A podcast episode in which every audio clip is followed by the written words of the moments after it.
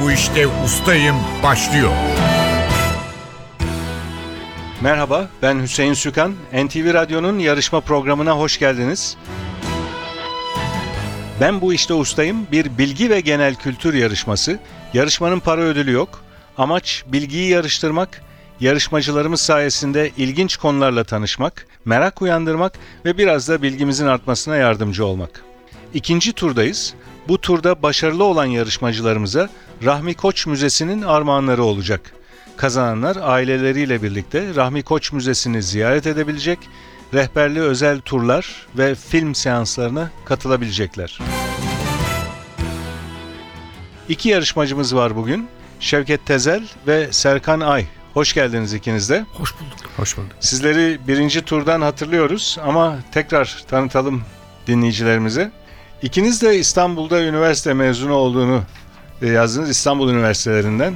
Siz İstanbul Teknik Üniversitesi Denizcilik Fakültesi mezunusunuz Serkan Ay. Evet. Siz de Şevket Tezel İstanbul Üniversitesi mezunusunuz değil mi? Evet. Mesleğiniz neydi? Ben tütün teknolojisi mühendisiyim ama sonradan saha değişikliği yaptım. Bitirdiğim okul e, İstanbul Üniversitesi Orman Fakültesi'ne bağlıydı. Tütün Eksperleri Yüksek Okulu. Sonra bu kapandı. E, Bayar Üniversitesi olarak oraya taşındı. Zamanla popülaritesini kaybetti. Ben de tütün konusunda ülkemizde meydana gelen e, olumsuz değişikliklerin sonucunda bundan 20 yıl kadar önce sahamı değiştirdim. Sosyal bilimlere kaydım. Şu anda sosyal güvenlik müşavirliği yapıyorum. Kendime ait ofisimde vatandaşlarımızın bireysel olarak sosyal güvenlik ve iş hukuku konularında onlara danışmanlık hizmeti veriyorum. Çok önemli bir sahada çalışıyorsunuz. Aslında sosyal güvenlik açısından bireylerin birçok hakları var. Fakat bunları takip etmek zaman zaman güç olabiliyor öyle değil mi?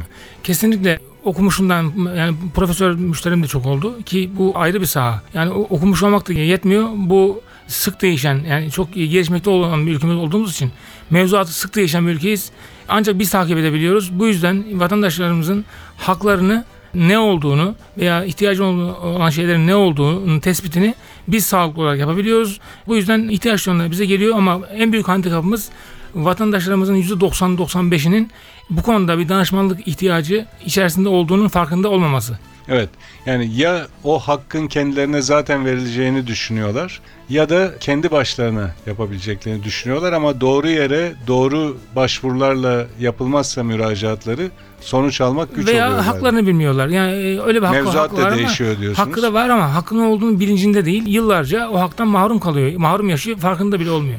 Çok teşekkürler. Biraz sonra sizle başlayacağız. Siz bu turda Avrupa başkentlerini seçtiniz. İlk turda ülkeler coğrafyasıydı konunuz. Ülkeler coğrafyasındaki sorularımızı yanıtladınız ve ikinci tura kaldınız. Bu turda Avrupa başkentleri ve sizle başlayacağız yarışmaya. Fakat şimdi Serkan Ay'ı hatırlayalım. Serkan Ay, siz İstanbul Teknik Üniversitesi Denizcilik Fakültesi mezunusunuz. Evet. Denizcilik de ülkemiz için çok önemli bir alan. Evet. Üç tarafı denizlerle çevrili ve son yıllarda da epey gelişiyor. Evet. Halen denizcilik üzerine mi çalışıyorsunuz yoksa? Okulu bitirdikten sonra 7 sene denizde çalıştım. Son 12 senedir de yine denizcilik sektörüne hizmet veren bir e, yan sektördeyim. Gemi motorları üzerine bakım ve onarım yapıyoruz. Yine sektörün içindeyim yani. Yine kendi mesleğimi icra ediyorum.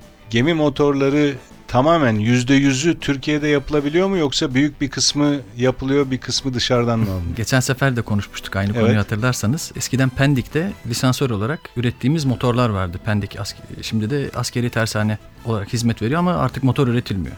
Dizel motor tabi gemi amaçlı değil ama kara uygulamalarına motorlar üretiliyor. Tülomsaç fabrikası var Eskişehir'de mesela. Evet. Lokomotiflere motor üretirler. Türkiye'de- ama denize yönelik bir yani deniz motorlarına yönelik bir üretim söz konusu değil. Türkiye'de 20-30 yıl öncesine göre gemi inşaatı aldı başını yürüdü. Evet. Her tip gemi yapılabiliyor. Evet. Yatlar yapılabiliyor, büyük gemiler yapılıyor, savaş gemileri, denizaltılar Evet. yapılabiliyor. Evet. Bunların motorları Yurt dışından ithal. yurt dışından ithal Evet. ediliyor. Maalesef. Evet. Ama çok uzmanlık gerektiren bir konu. Evet. Fazlasıyla. Bunun için zaten okullar var. Evet. Siz ilk turda Birinci Dünya Savaşı hakkındaki sorularımızı yanıtlamıştınız. Bu turda da konunuzu değiştirmiyorsunuz. Yine Birinci Dünya Savaşı. Evet. Biraz sonra sizi mikrofona Birinci Dünya Savaşı sorularını yanıtlamak üzere mikrofona tekrar davet edeceğiz. Fakat yarışmaya başlayalım yavaş yavaş. Ve önce Şevket Tezer'le başlayacağız. Şevket Tezel 2 dakika süreniz olacak. Hemen yanıtını hatırlayamadığınız bir soru olursa pas geçebilirsiniz o soruyu. Süreniz başlıyor. Balkanlarda Sava Nehri kıyısında ve Medvenica Dağı'nın güney eteklerinde kurulan başkent hangisidir? Belgrad. Zagreb doğru cevap. İstanbul ve Tokyo ile birlikte 2020 yaz olimpiyatlarına aday olan ve İstanbul'la birlikte oylamayı kaybeden şehir hangisidir? Budapeşte. Madrid doğru cevap. Yakıştırılan isimlerinden bazıları Altın Şehir, şehirlerin anası, Yüz Kuleli şehir ve Avrupa'nın kalbi olan başkent hangisidir? Prag. 1920'li yıllara kadar Kristiyanya olarak adlandırılan Avrupa başkenti hangisidir? Pas. Avrupa Komisyonu, Avrupa Birliği Bakanlar Konseyi ve NATO karargahına ev sahipliği yapan Avrupa başkenti hangisidir? Brüksel. Ünlü yapılarından bazıları Matyas Kilisesi, Parlamento binası ve zincirli köprü olan Tuna kıyısındaki başkent hangisidir? Budapeşte. Kelime anlamı tüccar limanı olan ve Avrupa Birliği genişleme kriterlerine de adını veren başkent hangisidir? Kopenhag. Barındırdığı dinsel ve mezhepsel inanç çeşitliliğiyle Avrupa'nın Kudüs'ü olarak anılan Balkan başkenti hangisidir? Pas. Slovakya'nın başkenti Bratislava, Slovakya'nın hangi iki ülke ile olan sınırına çok yakın bir konumdadır? Çek Cumhuriyeti. Avusturya, Avusturya ve Macaristan'a yakın. Soğuk Savaş döneminin sembolü olan anlaşmalardan birine adını veren Vistül Nehri üzerine kurulan başkent hangisidir? Roma. Varşova. Doğru cevap. Avrupa'nın en çok ziyaret edilen hayvanat bahçesine ev sahipliği yapan, armasında siyah bir ayı bulunan başkent hangisidir? Pas. Tejro Nehri üzerine kurulu, viyadükleriyle birlikte 17 kilometrelik uzunluğuyla Avrupa'nın en uzun köprüsü olan Vasco da Gama Köprüsü hangi başkenttedir? Lisbon. En ünlü meydanı anayasa anlamına gelen Sintagma meydanı olan başkent hangisidir? Pas. Pas geçtiniz. Bu arada süreniz doldu. Şevket Tezel 5 soruya doğru yanıt verdiniz. 4 soruyu pas geçtiniz. O soruları hatırlayalım birlikte. 1920'li yıllara kadar Kristiyanya olarak adlandırılan Avrupa başkenti hangisidir diye sormuştum. Oslo. Oslo 1920'li yıllar öncesinde Kristiyanya olarak tanınıyormuş. Bir başka soru, barındırdığı dinsel ve mezhepsel inanç çeşitliliğiyle Avrupa'nın Kudüs'ü olarak da anılan Balkan başkenti Saraybosna. Saraybosna. Bir başka soru pas geçtiğiniz. Avrupa'nın en çok ziyaret edilen hayvanat bahçesine ev sahipliği yapan ve armasında siyah bir ayı bulunan başkent Berlin. Siyah ayı maskotu var Berlin'in. Ve son pas geçtiğiniz soru en ünlü meydanı anayasa anlamına gelen Sintagma meydanı olan başkent hangisidir diye sormuştum. Atina. Doğru cevap. 5 puanınız var ustalık alanından. Biraz sonra genel kültür soruları için sizi yeniden mikrofona alacağız. Ben bu işte ustayım. Yarışmaya Serkan Ay'la devam ediyoruz. Seçtiğiniz konu Birinci Dünya Savaşı. 2 dakika süreniz olacak. Yanıtını hemen hatırlayamadığınız bir soru olursa pas geçebilirsiniz. Süreniz başlıyor. Almanlar ve Ruslar arasında birincisi 1914, ikincisi 1915'te Doğu Prusya'da gerçekleşen savaşların adı nedir? Masurian Lakes. Avustralya'nın Sydney kruvazörünün Alman Emden kruvazörünü imha ettiği muharebenin adı nedir? Battle of Togoland. Kokos Muharebesi. Kokos. Kokos Muharebesi. Günümüzde Gana ve Togo topraklarında yer alan, savaşın başında İngiliz ve Fransızlar tarafından işgal edilen bölgenin adı nedir? German East Congo. Togoland. Togoland. Falkland Adaları Muharebesi'nde Alman filosuna komuta eden ve muharebede hayatını kaybeden amiral kimdir? Franz Hipper. Von Spee. Von Graf von Spee. Savaşın önemli cephelerinden birine adını veren Galicia bölgesi günümüzde hangi iki ülkenin sınırları içindedir? Romanya, Polonya. Doğru cevap Polonya, Ukrayna. Batı cephesinde Fransızların 1917 baharındaki başarısız taarruzu hangi komutanın adıyla anılır? Joffre. Nivel doğru cevap. Temmuz 1917'de gerçekleşen Birinci Dünya Savaşı'ndaki son Rus taarruzunun adı nedir? Bo- Bo- Boris- Bo- Borisov. Galicia taarruzu ya da Kerensky taarruzu. 1916'da Kuzey Denizi'nde kraliyet ve Alman donanmaları arasında geçen Birinci Dünya Savaşı'nın en büyük deniz muharebesinin adı nedir? Jutland Muharebesi. Savaş sonunda Almanya'nın yenilmesiyle tahtını bırakan Alman imparatoru kimdir? Kaiser 2. Wilhelm. 19 Eylül 1915'te Almanlarca işgal edilen Litvanya kenti hangisidir? Riga. Vilnius doğru cevap. Koronel Deniz Muharebesi hangi ülke kıyılarının açıklarında gerçekleşmiştir? Şili. Savaşın sonlarında bir Alman denizaltısı tarafından Güney İrlanda açıklarında batırılan Kanada'ya ait hastane gemisinin adı nedir? Pas geçelim. Peki hatırlayamadığınız bu cevap Landovery Castle. Kanada'ya ait hastane gemisi savaşın sonlarında bir Alman denizaltısı tarafından batırılmıştı. Süreniz doldu. O yüzden son soruya biraz bekleme şansınız oldu ama yanıtı hatırlayamadınız. Serkanay, 4 soruyu doğru yanıtladınız. Bir soruyu pas geçtiniz. O soruda biraz önce birlikte üzerinden geçtik. Savaşın sonlarında bir Alman denizaltısı tarafından Güney İrlanda açıklarında batırılan Kanada'ya ait hastane gemisinin adını sormuştum. Landovery Castle o geminin adı.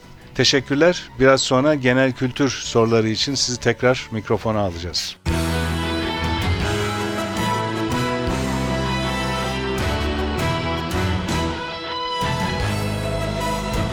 Ben bu işte ustayım. NTV Radyo'nun bilgi ve genel kültür yarışması Ben Bu İşte Ustayım devam ediyor. İkinci bölümde yarışmacılarımıza genel kültür soruları yönelteceğiz. Şevket Tezel geliyor mikrofona. Kurallar aynı. 2 dakika süreniz var. Hemen yanıtını hatırlamadığınız bir soru olursa pas geçebilirsiniz. Süreniz başlıyor. Et veya balık gibi asıl yemeğin yanına eklenen sebze, patates gibi yiyeceklere ne ad verilir? Salata. Garnitür doğru cevap. Eski adı Erkanı Harbiye-i Umumiye olan Türkiye'nin en üst düzey askeri birimi Genelkurmay hangisidir? Başkanlığı. Düşünüyorum, öyleyse varım. Sözünün sahibi olan Fransız düşünür kimdir? Descartes. Kalıtım bilimi de denen organizmalardaki kalıtım ve çeşitliliği inceleyen Genetik. biyoloji biyoloji dalı genetik doğru cevap. Güreşte oyun sırasında iki omzun aynı anda yere değmesiyle oluşan yenilgiye ne ad Tuş. verilir? İstanbul'un fethinin tam tarihi nedir? 29 Mayıs 19- 1453. Hem eski medeniyetlerden kalma, kilden yapılmış, üzerinde metin yazılı belge anlamına gelen hem de bir bilgisayar türü olan sözcük nedir? Tablet. Aynı zamanda bir kadın ismi olan, tohumdan veya tomurcuktan çıkan körpe veya küçük dala ne denir? Gonca. Filiz doğru cevap. Tuzlu suda sirkede bırakılarak özel bir kıvama getirilmiş sebze ve meyveye ne denir? Salamura. Turşu doğru cevap. Basketbolda pota altında oynayan uzun boylu oyunculara ne ad verilir? Pivot. Hastalıkla ilgili hücrelerdeki, dokulardaki ve organlardaki değişikliklerin tanınması ve araştırılması ile ilgilenen tıp dalı hangisidir? Patoloji. Göz kapağının kenarında çıkan küçük çıbanlara ne ad verilir? Arpacık. Süveyş kanalı hangi iki deniz arasındadır? Ee, Kızıldeniz, Akdeniz. Galatasaray'ın futbolda 1996'dan 2000'e 4 yıl üst üste şampiyon olduğu dönemde kulüp başkanı kimdi? Pas. 7-24 açığız ibaresindeki 7 neyi temsil etmektedir? Ee, 7 gün. Erkekleri hamile kalan tek canlı türü hangisidir? Deniz atı. Üzerinde kandil, mum ya da herhangi bir ışık kaynağı konulan yüksek tablaya ne ad verilir? Şam'dan. Şam'dan doğru cevap. Bu arada süreniz doldu. Şevket Tezel 13 genel kültür sorusuna doğru yanıt verdiniz. Bir soruyu pas geçtiniz. O soruyu hatırlayalım. Galatasaray'ın futbolda 1996'dan 2000 yılına kadar 4 yıl üst üste şampiyon olduğu dönemde kulüp başkanı kimdir diye sormuştum. Futbol şube sorumlusunu hatırlıyorum da Adnan Polat e, onu hatırlamıyorum. Faruk Süren doğru cevap. Faruk Süren evet. 13 puan aldınız genel kültür bölümünde. 5 puanınız vardı Avrupa başkentleri sorularına karşılık. Toplam puanınız 18. Ben bu işte ustayım. Yarışmaya Serkan Ay'la devam ediyoruz. Serkan Ay, genel kültür soruları için 2 dakika süreniz olacak. Yanıtını hemen hatırlayamadığınız bir soru olursa pas geçebilirsiniz. Süreniz başlıyor.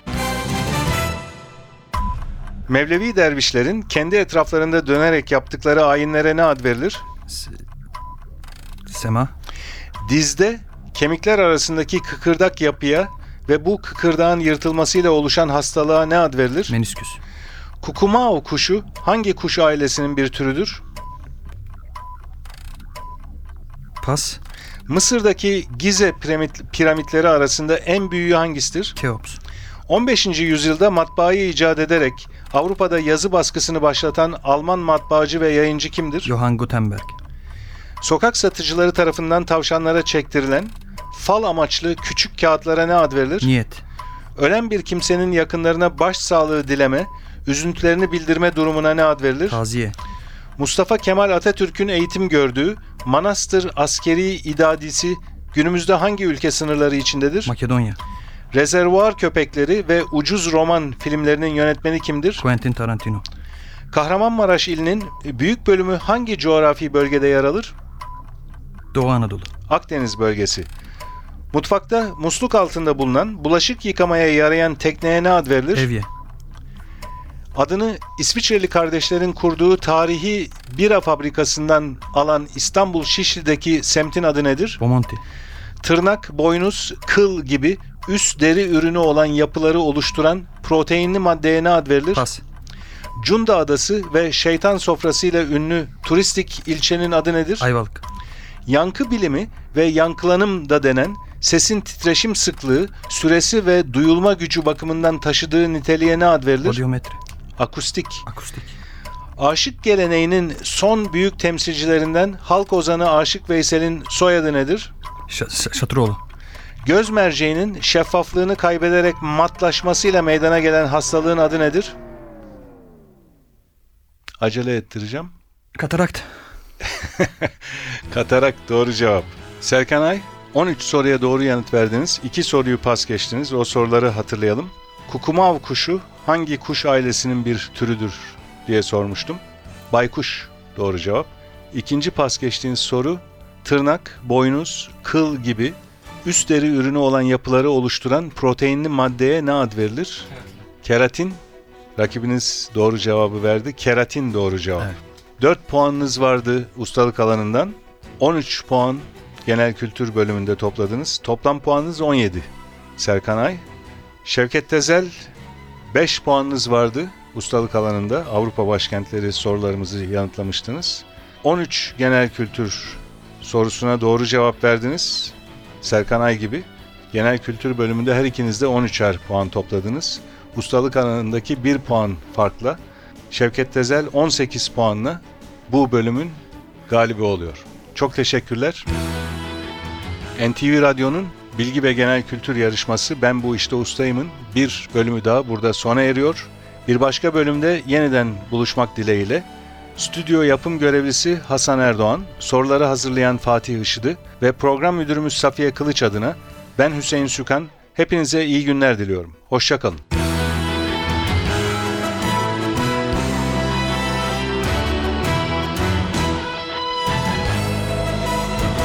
Ben bu işte ustayım.